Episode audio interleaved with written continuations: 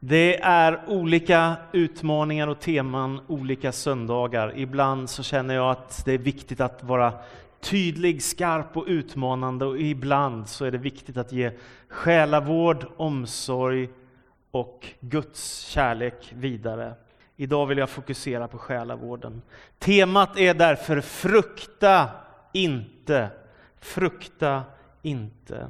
Och min bön är att när vi går ut ur kyrkan idag för att dricka kyrkkaffe eller för att gå hem så är min, mitt rop och min längtan att några av er ska känna jag har lite mer frid i min själ. Jag är lite lugnare. Jag kan ta till mig Guds nåd och Guds frid och hans kraft i mitt hjärta så att jag kan leva det i min vardag. Det är min bön idag. Livet går ju upp och ner, fram och tillbaka. Det är som en berg och dalbana, eller hur? Ibland är det jämnt, men ganska ofta så dyker det upp och ner och så är fram och tillbaka. Och det kan vara tuffa dagar och helt plötsligt har man underbara dagar och så kommer mörka dagar och så där blandas det. För ungefär tio år sedan så gick jag själv igenom en ganska tuff tid några månader. Det var en jobbig tid med ett antal omständigheter som ställde till det för mig, som gjorde att livet var jobbigt och inte så roligt. Så jag oroade mig mycket för framtiden. Vad ligger framför? Vad ska hända? Vad ska jag göra? Vad ska hända min familj? Hur ska vi prioritera? Vad ska vi tänka? Ni vet, man får massor av frågor som bubblar inom sig när man inte är i form och när man inte mår bra. Så jag ringde till min pastor och föreståndare Pelle Hörnmark och så berättade jag om att nu är inte jag i form, nu mår jag rätt dåligt. Vad ska jag göra? Och han var fin och så sa han så här, god andlig vägledning. Han sa, öka trycket på lovsång där hemma, lyssna ännu mer på musik om Gud och Jesus. Närma dig Gud i stillheten, gå långa bönepromenader. Det som bekymrar dig, skriv det på en lapp. Och när du har gjort det så knycklar du ihop den och så slänger du den i toaletten och så spolar du. Ungefär så. Jag tycker det var en ganska fin kombination av, av råd, eller hur? Några praktiska och några mer djupandliga så. Så gick det en tid och det hjälpte faktiskt. Jag mådde bättre, jag blev lite gladare igen. Min oro kunde jag lägga undan lite grann och så kunde jag lägga mitt liv i Guds händer ännu en gång. Och så läste jag bibeltexter om den frid som Gud kan ge och som faktiskt gav mig frid i själen. Jag tänker att det finns en oerhörd styrka i att fokusera på Guds storhet och inte bara det som skrämmer dig eller oroar dig i ditt liv när du går igenom tuffa tider. I psalm 56, Psaltaren 56 och vers 4 så står det När fruktan fyller mig så litar jag på dig. Visst är det bra? När fruktan fyller mig så litar jag på dig. Det är en människa som på allvar har fått kontakt med Gud och vilar i Guds nåd. Motsatsen till vilan och friden det är ju rädsla. Rädsla är ju märkligt, visst är det det? Jag kan förstå att när man sätter sig i ett flygplan till exempel och det lättar ifrån marken och särskilt när man gör det första gången att det är lite obehagligt för man tappar kontrollen, man kan inte kontrollera situationen utan man måste lita på någon annan trots att man inte är på fast mark längre. Va? Det är många som har flygrädsla trots att det är ett av de allra säkraste sätten att färdas på. Jag har hört statistik att för att vara med om en, något allvarligt, någon allvarlig incident med ett flygplan så måste man flyga varje dag i 70 år statistiskt sett för att det ska hända något med ett flygplan som drabbar dig eller mig. Är ni med? Det är ett jättesäkert sätt att färdas. Ändå är det lite obehagligt och det kan väcka rädsla i en människas liv. Men jag förstår det ändå när det är en sån stor sak. Men varför blir vi rädda för spindlar? det, det är väl märkligt. En fot och spindeln lever inte längre. Ändå kan vi bli rädda för spindlar. Visst är det konstigt? Då? Det är helt ologiskt. En spindel är så liten och du är så stor. Han eller hon är ett jätteunderläge och ändå så kan vi bli rädda för en spindel. Visst är det rätt märkligt? Eller tänk på barn när de ska somna. Man kan ha tittat under sängen för en minut sen. Det var ingenting där, men nu är det mörkt i rummet. Och nu så undrar man, är det inte någon under sängen i alla fall? Och tänka, hur skulle det gå till att någon kom in under sängen på den där minuten? Det är ju liksom rent fysiskt sett i alla fall helt omöjligt. Och ändå kan människor eller barn bli rädda för att det skulle vara något under sängen. Samtidigt så har jag tänkt så här, det är tur också att vi har så mycket känslor. För tänk om man inte skulle kunna känna några känslor.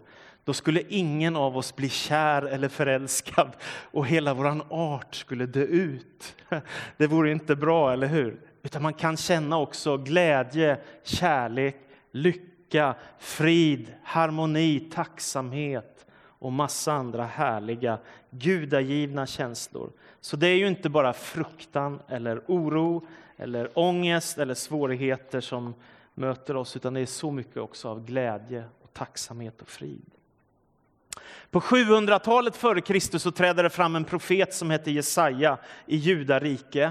Han var en gudsman som var en slags hovpredikant och levde i Jerusalem tillsammans med fem kungar i fem generationer som tar över efter varandra. Där finns han under en lång, lång tid som profet i Jerusalem. Ingen har tydligare än Jesaja förmedlat hoppet ifrån Gud. Ingen har tydligare talat om att det ska komma en Messiasgestalt som ska hjälpa och rädda oss. Ingen har tydligare visat klarheten för det evangelium som sen kommer med Jesus Kristus. Han är den som skarpast av alla förklarar bakgrunden till Kristus. Och han skriver en lång bok med över 60 kapitel där man kan tränga in i det som har med Gud att göra. Det är fascinerande. Och vi ska stanna vid bara en enda vers som ger just det här hoppet. Jesaja 41 och 10. Jesaja 41 och 10. Och då säger Gud, Herren säger till profeten Jesaja att säga detta till sitt folk i Judarike. Och då står det så här. Herren säger, var inte rädd, jag är med dig. Ängslas inte, jag är din Gud. Jag ger dig styrka och hjälper dig, stöder dig och räddar dig med min hand. Jag läser en gång till. Var inte rädd, jag är med dig. Ängslas inte, jag är din Gud. Jag ger dig styrka och hjälper dig, stöder dig och räddar dig med min hand. Var kommer fruktan ifrån? Fruktan kommer enligt Bibeln ifrån ursprunget. Ni vet, det står om de första människorna, Adam och Eva, att de lever i gemenskap med Gud i paradiset, men att de bryter med Guds vilja och syndar emot Gud och hamnar där under förbannelse och död och lidande och sorg. Va? Som inte var tanken från början, men det är ursprungsberättelsen i Bibeln. Och sen står det att när Gud kommer in i paradiset för att tala med de första människorna, så står det att Adam springer och gömmer sig. Är ni med? Och då är det så att han säger för första gången, jag blev rädd. Är ni med? Det står aldrig i Bibeln tidigare. Utan rädsla det kommer som en konsekvens av att människan bryter mot Guds vilja. Och sen dess har det funnits i vår värld. Det gör att när man blir rädd kan man få ont i huvudet, man kan få ont i magen, man kan bli stressad och pressad. Ni vet hur det är. Och vad handlar det om? Det handlar om att man tänker, jag kanske inte klarar av mitt vardagsliv. Eller man kan tänka, tänk om jag inte blir inkluderad och, och accepterad i min omgivning. Eller tänk om det blir uppenbart mina synder, va? den skuld som jag bär i mitt liv och att jag behöver förlåtelse. Eller tänk om jag inte har tillräckligt med självförtroende för att lyckas på mitt jobb. eller med mina vänner. Eller tänk om jag fattar fel beslut så att jag får dåliga konsekvenser i mitt liv. Eller tänk om det där att det gör ont i min kropp, att det är någon sjukdom som börjar komma nu. Tänk om jag hamnar i kris. Eller tänk om det inte går bra för mina barn eller för min familj. Eller tänk om den dröm jag bär i mitt hjärta inte kommer att fullbordas utan misslyckas. Vi kan ha mängder med orsaker till att frukta. Och livet är inte någon enkel resa. Livet är både underbart och djupt smärtsamt. Jag tror att vi vet det alla, oavsett om vi är gamla eller unga. Ordet rädsla i Bibeln det betyder i grundtexten krossad, förfärad, förskräckt eller att frukta något. Alltså det är ganska negativa saker som har att göra med vår bortvändhet till Gud eller konsekvenser i vår omgivning som inte är behagliga. Då och då så går vi alla igenom tider som är prövande och utmanande i livet, som kräver mycket energi. För det är min erfarenhet att så fort man kommer i prövningar och svårigheter så måste energin upp. När man går igenom sorg eller man går igenom prövningar på olika sätt eller sjukdom. Energin måste upp och man behöver Guds hjälp. Och så är det så lätt att som konsekvens av det börja oroa sig, oroa sig, bekymra sig, älta det som man går igenom. Eller hur? Visst är det ganska enkelt? Och så finns det forskning på detta. Lyssna nu. 8 procent av det vi oroar oss för som människor ungefär brukar inträffa. 8 procent av det. Alltså det finns forskning gjord på detta. Av en, det finns en författare som heter Harvey McKay och han har skrivit en bok med den tänkvärda titeln Att oroa sig får dig att gå över bron innan du kommer fram till den. Det är rätt tänkvärt. Att oroa sig får dig att gå över bron innan du har kommit fram till den. Bara 8 av det som vi ofta oroar oss för inträffar i verkligheten enligt den här statistiska undersökningen för vad människor oroar sig för. Jag läste precis en bok av en pastor som heter Jensen Franklin. Och han berättar om hur han som ung pastor för första gången ska gå in i tjänst och han är oerhört orolig. Han vet att Gud har kallat på honom och han vet att han ska göra någonting viktigt som har med evangeliet om Jesus att göra. Och ändå, som ung förkunnare, så är han oerhört orolig. Och så skriver han så här. Min största rädsla var att jag inte skulle klara av min tjänst. Hade jag det som krävdes Ofta satt jag och studerade till klockan två eller tre på lördagnatten för att ha något att säga då, på söndagar. När jag lämnade mitt arbetsrum kände jag mig utmattad och orolig. Jag bad, Herre, om du inte hjälper mig nu på förmiddagen i gudstjänsten kommer jag att sjunka som en sten. Men jag lärde mig att förlita mig på Gud som aldrig förut. Den träningen i att luta mig mot och förtrösta på Gud blev nyckeln till att övervinna en av de största rädslorna i mitt liv. Visst är det vackert? Alltså, livet är inte någon enkel resa och man klarar sig inte undan alla prövningar och svårigheter. Men man kan börja luta sig. Är ni med? Och så finns det någon där bakom som tar emot den Gud som har skapat den värld som vi lever i.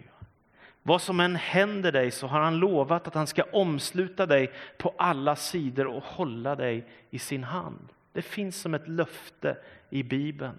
Du omsluter mig på alla sidor och håller mig i din hand. Den kunskapen är mig för underbar, säger kung David. Och Herren säger i Jesaja 41. Var inte rädd, jag är med dig. Ängslas inte, jag är din Gud. Jag ger dig styrka och hjälper dig, stöder dig och räddar dig med min hand. Kan man besegra sin oro? Kan man besegra bekymmer? Kan man hantera sin fruktan? Ja, det tror jag att man kan. Men det är som att vi behöver hjälp utifrån, att det inte räcker med mänsklig kunskap eller goda medmänniskor, utan vi behöver Gud som ett ankare i livet för att vara stabila för att få den kraft vi behöver när vi går igenom svårigheter, problem och prövningar. Sen har jag tänkt så här också när jag läser Bibeln. Vem skulle veta vem David var om inte Goliat hade funnits? Är ni med? Eller vem skulle veta att det fanns en Mose som förde sitt folk ut ur Egypten från slaveriet om det inte hade funnits en farao? Vem skulle kunna ha blivit frälst om inte Jesus hade dött på ett kors? Vem skulle veta vem aposteln Paulus var om han inte hade gett sig ut på järva missionsresor och gått igenom oerhört mycket lidande, svårigheter och prövningar som kristen missionär. Han led skeppsbrott, han blev stenad, han blev slagen. Ändå så segrade de alla till slut. Det är fascinerande. Att övervinna sin fruktan, det har att göra med att våga lita på att Gud bär mig igenom allt. Och den här sista tiden så har flera människor i min närhet drabbats av sjukdom och svårigheter. Och då blir det igen så viktigt att påminna sig om Guds godhet och barmhärtighet. Min kära älskade pastorskollega i Forshaga, Staffan, är jätteallvarligt sjuk nu. Det är ett stort bönämne. Ta med honom i förbön. Ta gärna en dag i fasta för vår kära pastorskollega i Forshaga som har blivit drabbad av sjukdom. Och jag satt på sjukhuset häromdagen hos en annan kär vän som kämpar med sin hälsa. Man blir så påmind om hur viktigt det är att vara förankrad i Gud och hur små vi är om vi inte har hoppet i Jesus Kristus. Och sen när jag vandrar utifrån sjukhuset och vi har bett tillsammans och så där och så kommer jag förbi sjukhuspastors och prästexpeditionen där. Och då satt sjukhusprästen där inne. Jag, tänkte, jag har ju träffat honom några gånger så jag gick in och hälsade. Och så pratade vi en stund och han visste också om min kära kollega som är sjuk. Och så, ja, så delade vi en del gemenskap och tid tillsammans. Och sen så när jag gick ut ifrån hans expedition där han sitter på Karlstad sjukhus så lyfte han upp sin hand och så sa han Guds frid vare med dig. Guds frid vare med dig. Jag tänkte jag, vad, vad fint det är att vara kristen. Vad starkt det är. Det är inte så enkelt alla gånger och det är ingen räkmacka genom livet, men det är ju makalöst att ha det här när livet är tufft och vi möter prövningen, att jag inte är ensam. Det finns en Gud som bryr sig och älskar dig och mig. Så glöm inte att Gud är god. Och jag tänker så här, hur skulle han som har skapat universum kunna överge dig? Hur skulle han som har befriat sitt folk ut ur Egypten kunna glömma dig? Hur skulle den Gud som har fört sitt folk in i löfteslandet svika dig? Hur skulle den Gud som lovade att Messias skulle komma kunna glömma bort dig? Hur skulle den Gud som sände sin son Jesus Kristus till världen kunna överge dig? Eller hur skulle den Gud som har sänt den helige Ande för att hjälpa oss kunna tappa bort just dig? Hur skulle den Gud som har lovat att bygga sin församling över hela världen kunna svika oss? Och hur skulle den Gud som har lovat att besegra allt det onda till slut kunna glömma eller visa bort oss? Jag tror inte att han gör det därför att han älskar oss och därför att han vill oss väl. Och därför säger Herren genom profeten Jesaja, var inte rädd, jag är med dig, ängslas inte, jag är din Gud. Jag ger dig styrka och hjälper dig, stöder dig och räddar dig med min hand. Man kan ibland komma i situationer där man funderar på att ge upp. Har du varit med om det? Man tänker det är kört, det går ju inte. Jag kommer inte vidare. Det kan se omöjligt ut att hitta lösningar för framtiden. Bördorna kan kännas helt orimliga och oacceptabla. Och ibland kan man drabbas av oro som urholkar ens själ när motgångar möter som man inte är förberedd på. Och då har jag haft den här bilden i mitt inre sista tiden om Petrus och Jesus. Jesus går på vattnet och då vet alla smarta ateister att det går inte att gå på vattnet. Men för den som tror att Gud har skapat universum så är det möjligt att tro att Jesus kan göra mirakel och att han går på vattnet. Ja, jag tror att han gjorde det. Och så står det att Petrus också, hans lärjunge, försöker att gå på vattnet men efter ett tag så sjunker han som en sten och då står det att Jesus böjer sig ner och greppar tag i Petrus och lyfter upp honom ur vattenmassorna. Det är det jag tänker att evangeliet om Jesus Kristus handlar om. När vi ropar på honom så fattar han vår hand. Och Jesus säger, var inte rädd, var vid gott mod, jag är här. Till slut, det finns också massor av ord i Bibeln om att inte frukta. Så jag skickar med några av dem nu. Var inte rädd, jag är med dig och jag ska välsigna dig. Första Mosebok 26-24. Var inte rädd, jag är med dig. Ängslas inte, jag är din Gud. Jag ger dig styrka och hjälper dig. Jesaja 41. Var inte rädd, jag har friköpt dig. Jag har gett dig ditt namn, du är min. Jesaja 43. Sion, var inte rädd. Låt inte händerna sjunka i missmod. Sefania 3 och 16. Matteus 9 och 2. Var vid gott mod, mitt barn, dina synder är dig förlåtna. Eller Matteus 10.31, var alltså inte rädda, ni är mer värda än många sparvar. Eller Matteus 14, lugn, det är jag, säger Jesus, var inte rädd. Eller Matteus 17, Jesus gick fram, rörde vid dem och sa, stig upp och var inte rädda. Lukas 8.50, var inte rädd, tro bara så ska du bli hjälpt. Lukas 12, var inte rädd du lilla jord, ty er fader har beslutat att ge er riket. Johannes 14 och 1. Låt inte era hjärtan oroa oss. Tro på Gud och tro på mig. Detta är evangelium, att Gud aldrig glömmer dig. Att Gud finns vid din sida, att Gud kan ge din kraft, att Gud också kan upprätta, hela och läka. Vi behöver alla ro i själen och särskilt när det är turbulent runt omkring oss. Men kom ihåg att du behöver inte bära den börda som Gud vill bära åt dig. Du behöver inte heller bära den börda som dina vänner eller din familj kan bära åt dig. Och du behöver absolut inte bära den skuld som du kan känna ibland, eller jag kan känna ibland. Eftersom det finns ett kors, att Jesus har offrat sig för oss i vårt ställe. Utan sök dig nära Jesus. Han säger, min frid ger jag er. I psalm 56 stod det, när fruktan fyller mig litar jag på dig. Eller Jesaja 41 och 10, var inte rädd, jag är med dig, ängslas inte, jag är din Gud. Jag ger dig styrka och hjälper dig, stöder dig och räddar dig med min hand. Så jag tänker, det bästa man kan göra som människa är öppna sig för Gud, öppna sig för Jesus Kristus. Han har sagt, min frid ger jag er. Jag ger inte det som världen ger, men min frid ger jag er.